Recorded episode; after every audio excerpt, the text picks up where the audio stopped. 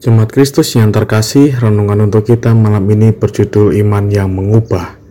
Dan bacaan kita diambil dari Ibrani pasal 11 ayat 23 sampai 28. Demikianlah firman Tuhan. Karena iman, maka Musa setelah ia lahir disembunyikan selama tiga bulan oleh orang tuanya.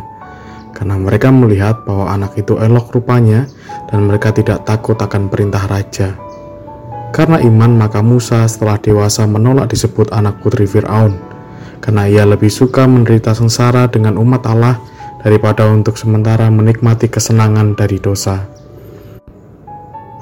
Ia menganggap penghinaan karena Kristus sebagai kekayaan yang lebih besar daripada semua harta Mesir, sebab pandangannya ia arahkan kepada upah. Karena iman, maka ia telah meninggalkan Mesir dengan tidak takut akan murka raja, ia bertahan sama seperti ia melihat apa yang tidak kelihatan. Karena iman, maka ia mengadakan paskah dan memercikan darah, supaya pembinasa anak-anak sulung jangan menyentuh mereka.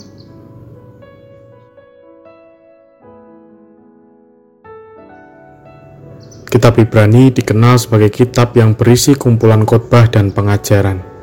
Maka dari itu tak mengherankan bila isinya adalah pedoman dan perintah-perintah yang harus dinyatakan oleh orang Kristen. Dalam bacaan kita kali ini, penulis kitab Ibrani mengutip kisah yang dialami Musa. Kita dapat melihat bahwa Musa dikelilingi oleh orang yang beriman, sehingga ia mendapatkan keselamatan. Dan ia pun memiliki iman yang sama, sehingga dapat melakukan sesuatu yang lebih besar lagi. Semua itu terjadi karena Musa memiliki iman yang teguh kepada Allah. Lalu bagaimana dengan kita? Mungkin saja tak setangguh Musa dan hal-hal yang kita lakukan tak sehebat tindakan-tindakan Musa di masa lalu.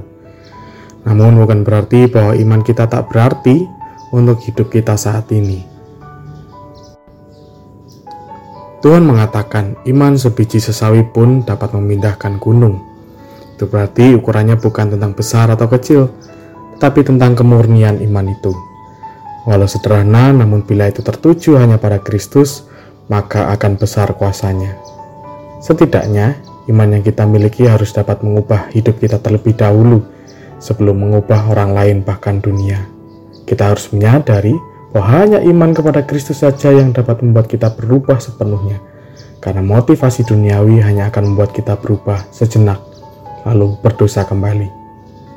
Pertanyaannya, Maukah kita berubah di dalam iman? Demikianlah renungan malam ini. Semoga damai sejahtera dari Tuhan Yesus Kristus senantiasa memenuhi hati dan pikiran kita. Amin. Jemaat terkasih, mari bersatu hati untuk menaikkan pokok-pokok doa dalam gerakan doa 21 GKI Sarwa Indah. Mari berdoa.